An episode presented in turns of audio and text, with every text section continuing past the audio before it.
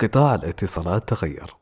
ومع تقنية الجيل الخامس من زين التواصل صار أسرع.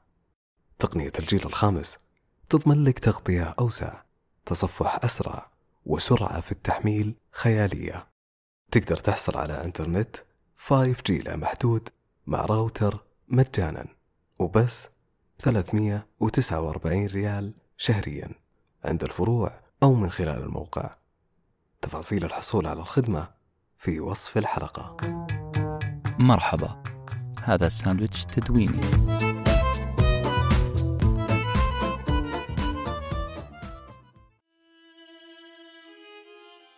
لو حصل وزارنا كائن مريخي على الأرض فإن أول تصريح له بعد عودته لأهله هو شاهدت كوكبا تملأه مساحات مائية ضخمة تطفو فوقها قطع أرضية متفاوتة الحجم. تملأها إعلانات مغرية لمطاعم الوجبات السريعة.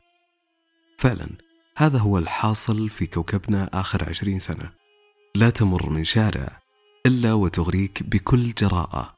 لوحة بيتزا منتفخة الأطراف بالجبن الأبيض وتحتها رقم هاتف للاتصال. تهرب من هذه اللوحة فتداهمك صورة برجر. وضع كل مساحيق التجميل الأوروبية وغير الأوروبية داعيا إياك لزيارته. تغض بصرك وإذا بصحن أرز تتكلل قمته. أفخذ دجاج مشوية على نار هادئة واقتراح بزيارة مطعم آخر. لا تكاد تقف بجانب إشارة إلا وأكياس الشيبس وعلب الصودا تبحلق فيك وكأنك أحد مشاهير السينما. إحنا محاصرين بالطعام في كل مكان. هذا الحصار الجائر قاعد يغرس سيوف الحادة في إرادتنا وانضباطنا. باختصار السمنة أو زيادة الوزن اللي معظمنا يعاني منها تحتاج انضباط ذاتي. كوكتيل فواكه. هذه هي الخلطة اللي نقدمها في هذه الحلقة. لا ندعي بأننا نقدم لكم برنامج غذائي محدد السعرات زي المراكز المتخصصة. إحنا فقط نجاوب على سؤال كيف نقدر ننضبط ذاتيا مع برنامجنا الغذائي. ساندويتش ورقي يحاول تمرير قليل من التجارب في القراءة والحياة عن الانضباط خلال رحلة الرجيم. نحن مجموعة أشخاص خاضوا تجربة التغذية الصحية ومصاعبها. قرأوا كتابا وأحبوا مشاركتكم عما يدور في عقولنا أثناء رحلة الرجيم.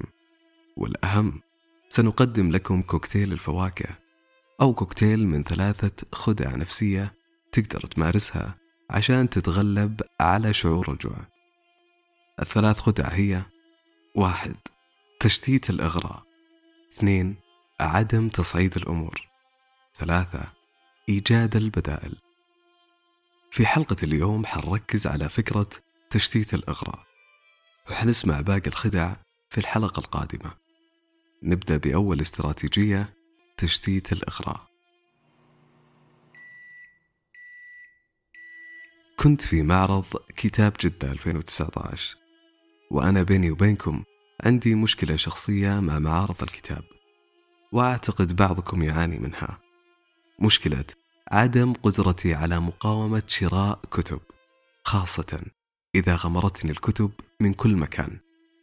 معرض الكتاب بالنسبة لي هو سوق سمك لشخص يعشق الفسفور ويظن أي كائن ذو خياشيم هو مصدر غذائي عظيم. نعم أنا أسرف في شراء الكتب لدرجة تراكمها أحيانا بالشهور. تنظر إلي على أرفف المكتبة. اكتشفت أن المشكلة مو معقدة جدا أو حلها سهل بالأصح.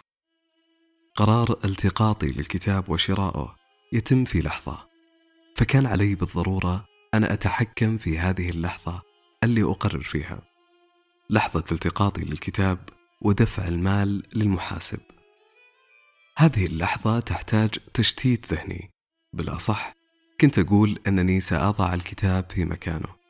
آخذ جولة في المعرض ثم أعود لشراء الكتاب. وهكذا. تجدوني آخذ جولة. أخرج إلى كوفي أطلب قهوة وألتقط الجوال ثم أدخل في مود قراءة آخر على شاشة الجوال. المسألة كانت لحظة ضعف. استطعت خداع نفسي بتشتيت لحظة القرار الحاسم شراء الكتاب. في النهاية تجاوزت اللحظة الصعبة. تجاوزت اتخاذ قرار بالشراء. وعدت دراجي بلا أكياس كتب وفواتير. لا تضحك عزيزي المستمع والمستمعة على هذا المثال أو أضحك ثم ركز معي في فكرة الكاتب.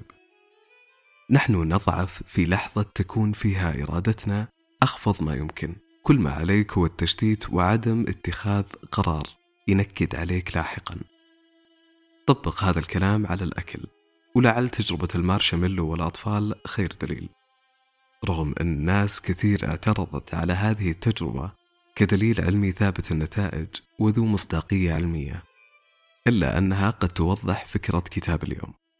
تجربة المارشميلو باختصار قدم فيها صاحب التجربة لأطفال قطعة مارشميلو. الباحث أخبر الأطفال أنهم إذا أكلوا المارشميلو الآن فلا بأس لكن لو صبروا لمدة 15 دقيقة فسيحصل على قطعتين بدل واحدة. تعال تفرج على سلوك الأطفال. بعضهم وبمجرد خروج الباحث التقط المارشميلو وأكلها بضمير مرتاح جدا. بعضهم تجد في عيونه مليون سؤال وسؤال. بعضهم حاول بكل الطرق أن يشتت تركيزه في الحلوى وأن يحكم عقله وما يأكل المارشميلو. لكن المهم مو هنا. المهم أن دراسة إلحاقية بعد سنوات طويلة وجدت الأطفال اللي طوروا طريقة تشتيت لرغباتهم الملحة أصبحوا أكثر نجاحا من أولئك الذين استسلموا لإغراء الحلوى. هذا الاستنتاج بنوه على نتائج الأطفال بعد ما كبروا في اختبار ال SAT أو اختبار القدرات. كذلك بنوه على كمية المشاكل اللي واجهها هؤلاء الشباب من الناحية السلوكية والذهنية. وأخيرا مدى نجاحهم بدنيا وذلك اعتمادا على اختبار البي إم آي أو مؤشر كتلة الجسم.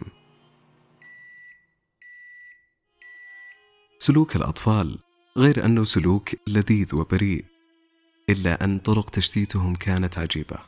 غطى عيونه عشان يقاوم الإغراء. بعضهم بدأ يخبط بقدميه ويعمل رتم موسيقي يركز فيه على الإيقاع.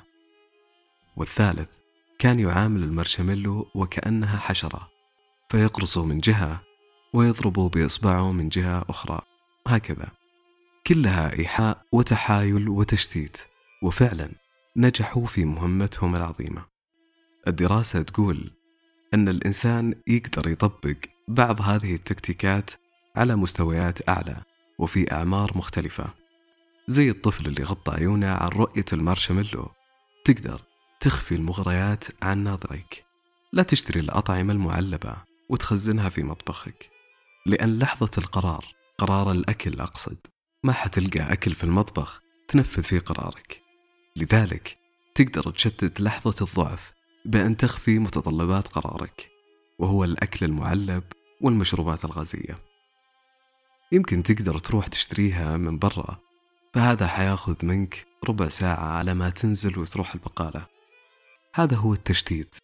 أنت أجلت لحظة القرار ربع ساعة وهذا كفيل بأنك تتخطى لحظة الضعف وتبدأ تفكر بشكل عقلاني أكثر.